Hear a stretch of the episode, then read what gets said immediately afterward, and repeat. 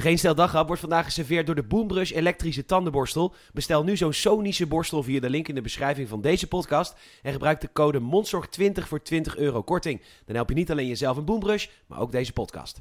Bedankt! Welkom, lief dat je luistert naar de Geen Stel Daghap, de snack voor de belangrijkste en meest opvallende gebeurtenissen van vandaag. Natuurlijk met een knipoog met vandaag. Toch geen onderwijs voor meisjes Afghanistan. Extra belasten die energiebedrijven. En explosies zijn vet cool. Mijn naam is Peter Bouwman en dit is het nieuws van woensdag 23 maart.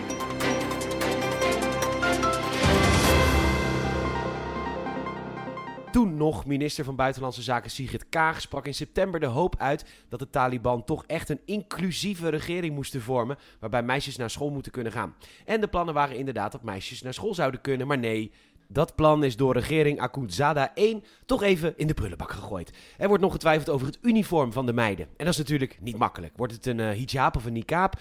Doen we zwart of van die lekkere, frisse lentekleuren? Welk materiaal is natuurlijk ook moeilijk. Te dun is wat verleidelijk voor de mannen. Te dik en dan zijn de stokslagen net weer even wat minder effectief. Bovendien moeten de bloedvlekken natuurlijk wel makkelijk uitwasbaar zijn. Want wat schoon is, moet schoon blijven. En die kinderen spelen natuurlijk altijd in de zandbak. Of nee, dat is geen zandbak, maar gewoon de tuin.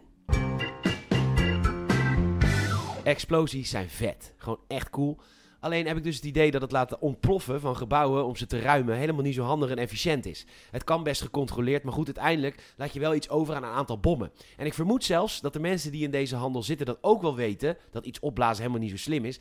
Maar die houden hun bek daar natuurlijk over, want weet je hoe vet het is om iets op te blazen? Neem nou de middensluis in Terneuzen. Die moet vervangen worden en er werd voor explosies gekozen om de oude weg te halen. De Mythbusters methode, zeg maar. Omroep Zeeland heeft de beelden, is echt cool om te zien. Maar het was dus de bedoeling dat bijna niemand die explosie zou horen. Wat denk je dat er gebeurt? In de hele omtrek van Terneuzen trilden de huizen, vlogen de deuren open, schudden de muren. Ja, dan vraag je je af, hoe kan dat nou? Nou, misschien omdat je die hele mythische teringsluis in één keer met 13.000 kilo dynamiet laat exploderen. Weet je hoeveel dynamiet er in een nitraat zit, die je zo rond oud en nieuw zo vaak hoort knallen? Nou, nul. Nul dynamiet zit erin. Want ja, nitraten zijn best gevaarlijk, maar dit is dus 13.000 kilo dynamiet. Nou, oké. De sluis is dan nu kapot. Is het dan goed gegaan? Mwah. Valt mee. De bedoeling was namelijk dat de sluismuur alleen zou barsten, waarna de wand heel gecontroleerd stukje voor stukje uit elkaar gehaald zou kunnen worden. Maar wat blijkt nou? Die hele muur is ingestort. Ja, hè? Je legt 13.000 kilo dynamiet neer. Nogmaals, echt vet cool. En zeker vet cooler dan een wandje stukje voor stukje uit elkaar halen. Maar goed, in april gaan ze de andere sluismuur opblazen en wij kunnen in ieder geval niet wachten. Hier volgde een kleine winstwaarschuwing.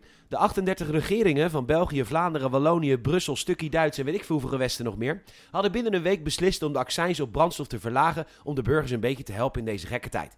De beslissing kwam snel en werd ook direct ingevoerd. Dat ene kabinetje dat wij hebben gaat dat dan ook doen. Ze kwamen er wat later achter en dat kan dan ook weer pas vanaf 1 april. Maar goed, de winstwaarschuwing is dat de prijsdaling van de accijns in België alweer zijn ingehaald door de prijsstijging van brandstof. Per saldo is diesel in België inmiddels weer net zo duur als voor de ingreep. En ja, anders was het nog duurder geweest, dat klopt. Maar wonderen hoeven we dus niet te verwachten.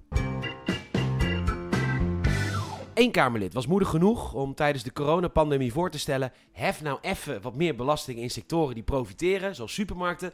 Dat vult de staatskas een beetje aan om die getroffen bedrijven te steunen. Dit ene Kamerlid was Liane Den Haan, van Lijst Den Haan, of eigenlijk bierveeltje met de naam Den Haan erop, Den Haan.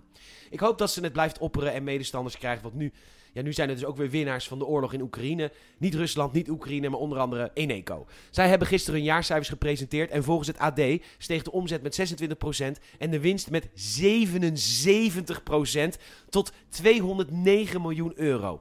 En wat speelden ze het goed, hè? Wat waren ze ruimhartig, die schatten van Eneco. Want het had Eneco behaagd dat de klanten van het failliete Welkom Energie... ze mochten bij Eneco terecht. Voor walgelijke monstercontracten. Extra belasten die benden, want hier hebben we de energie niet voor.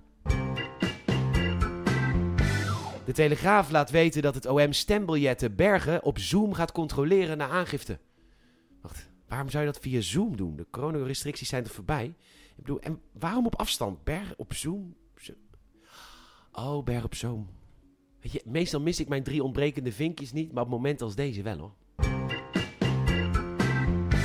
Bedankt voor het luisteren. Je zou enorm helpen als je een vriend of vriendin of familielid vertelt over deze podcast.